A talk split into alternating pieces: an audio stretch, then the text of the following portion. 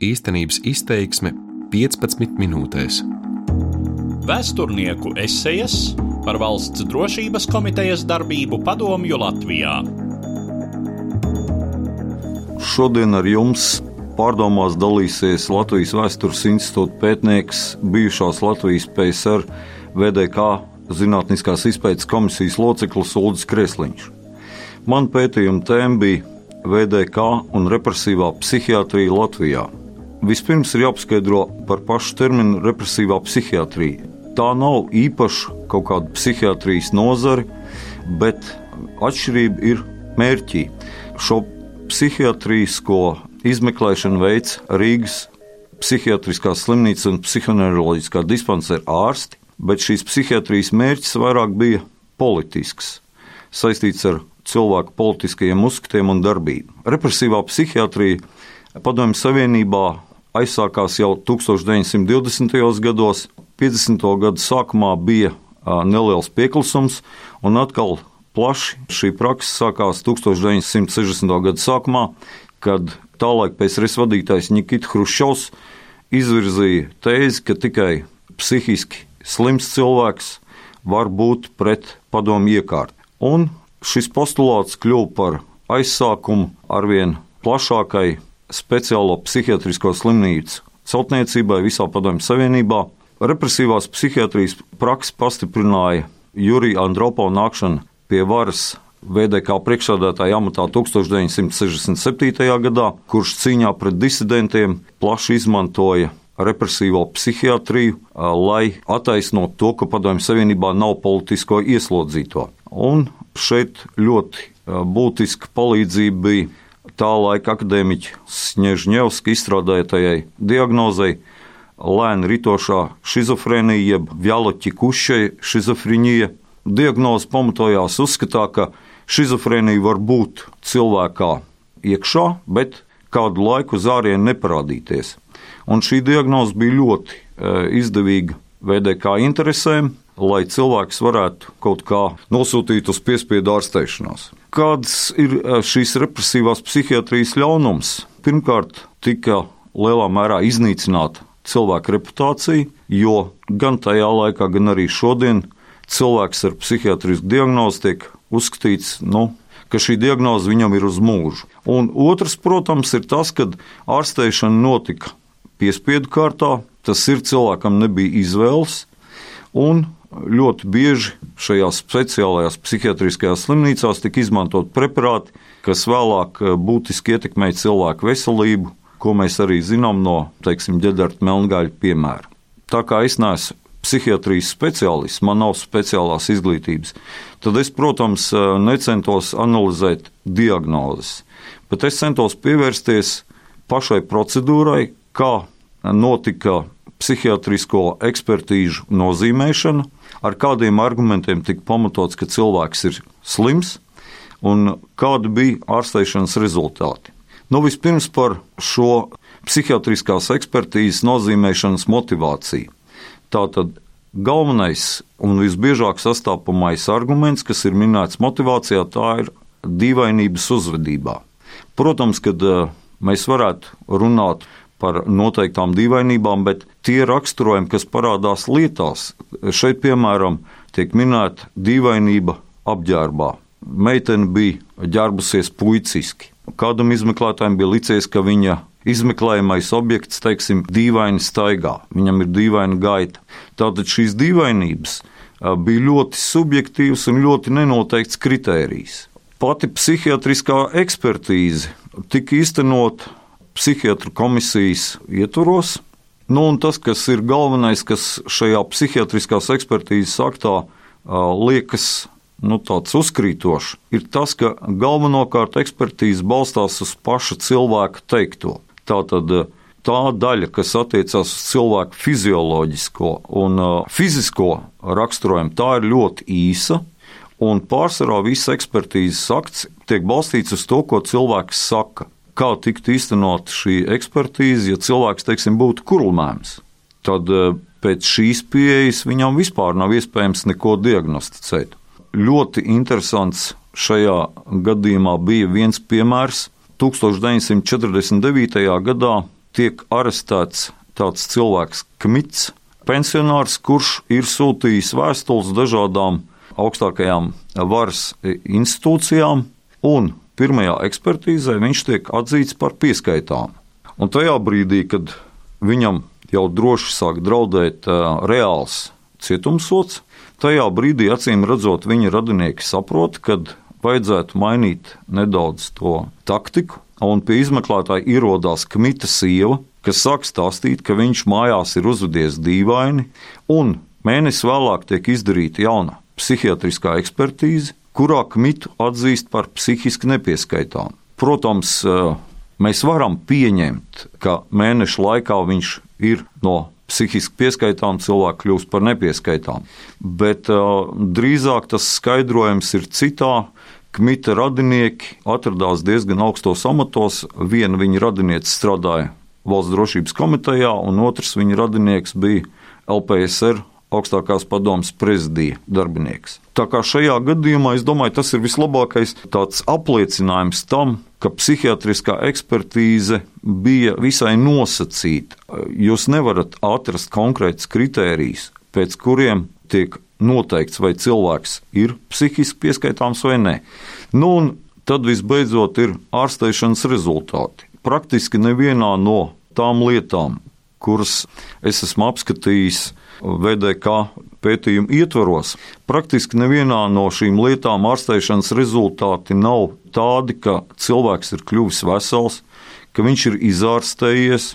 Vienīgais un galvenais rezultāts ir tāds, ka cilvēks ir kļuvis sociāli neaktīvs. Tātad viņam vairs nav aktīvas rīcības, viņš vairs negrib neko rakstīt nevienam vēstules, Un parasti nu, tas gan neparādās lietu materiālos, bet parasti ir noprotams, ka tas tiek panākts ar spēcīgu nomierināšu ārstniecisku preparātu izmantošanu. Pie ārstēšanas tur ļoti labs piemērs par to, ka ārstēšana nedeva rezultātus. Tika atzīts par nepieskaitāmu tāds cilvēks uzvārdā Kasjanovs, kurš bija mēģinājis ielausties ASV vēstniecībā un lūgt patvērumu.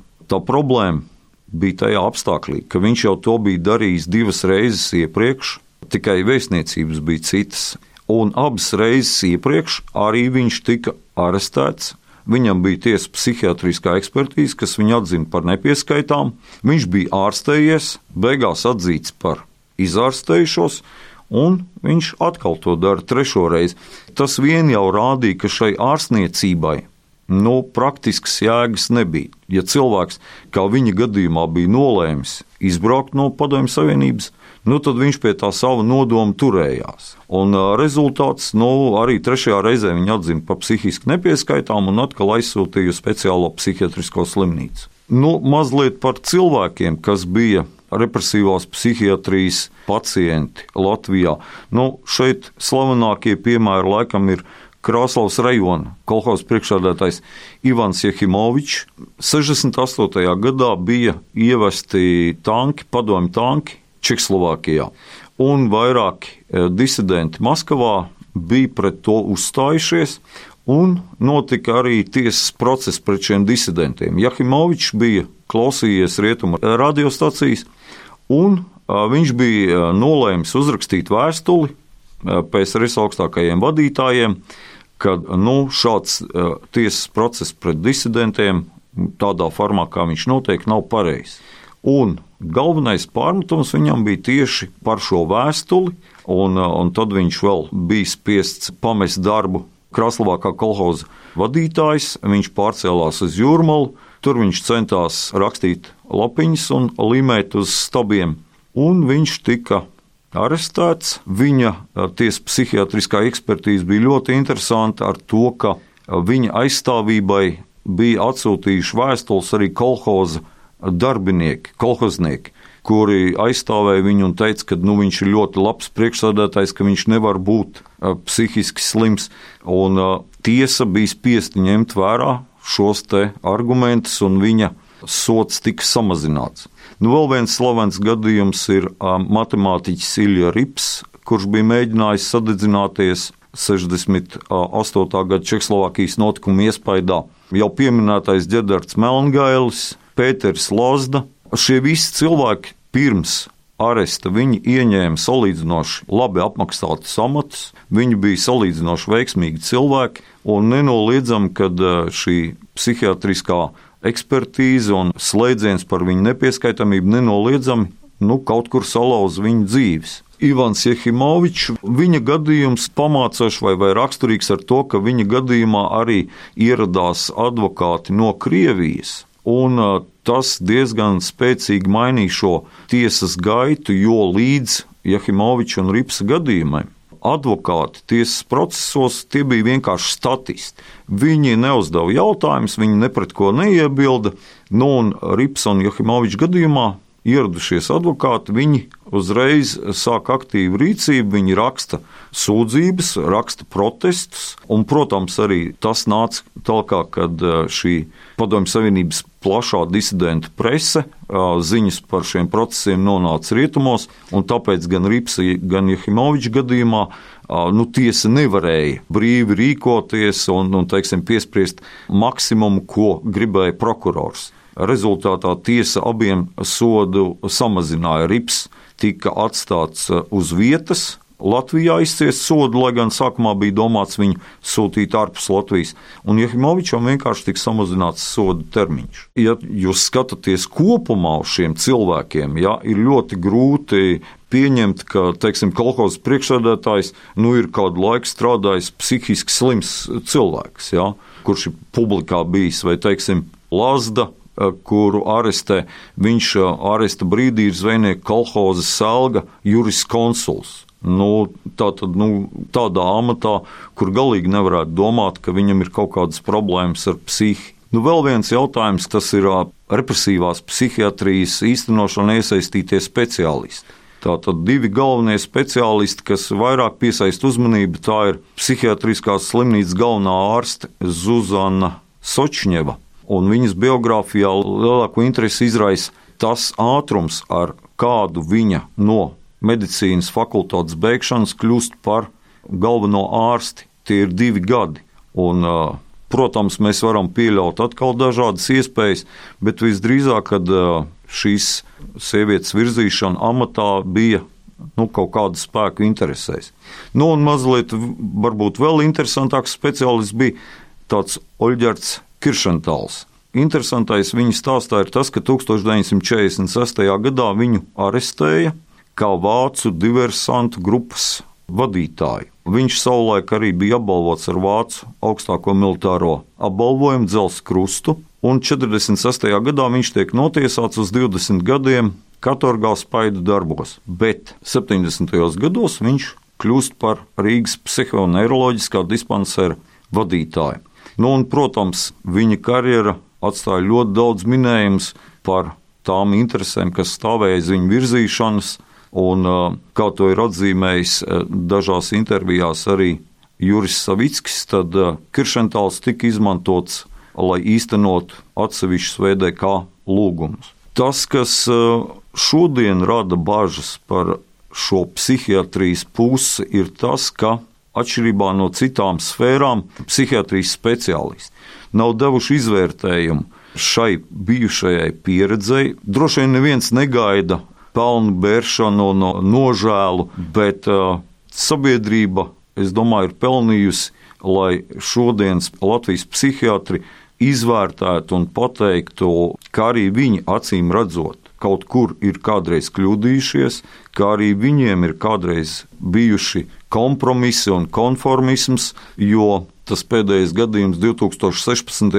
gadā, kad tagad neatkarīgās Latvijas psihiatri atbildot uz ģenerāla Melngāļa iesniegumu par viņa psihiatrisko diagnozi, apstiprināja, ka savulaik Melngāls ir tiesāts un, un viņam šī diagnoze ir pamatota. Protams, izsauca nu, diezgan lielu neizpratni.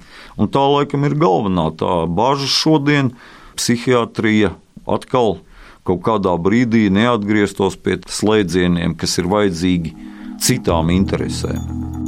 Šodien ar jums kopā bija uh, Ulris Kreisliņš, un mūsu jautājums, par ko mēs šodien runājam, bija represīvā psihiatrija un tās izmantošana Latvijas PSR gadījumā. Paldies!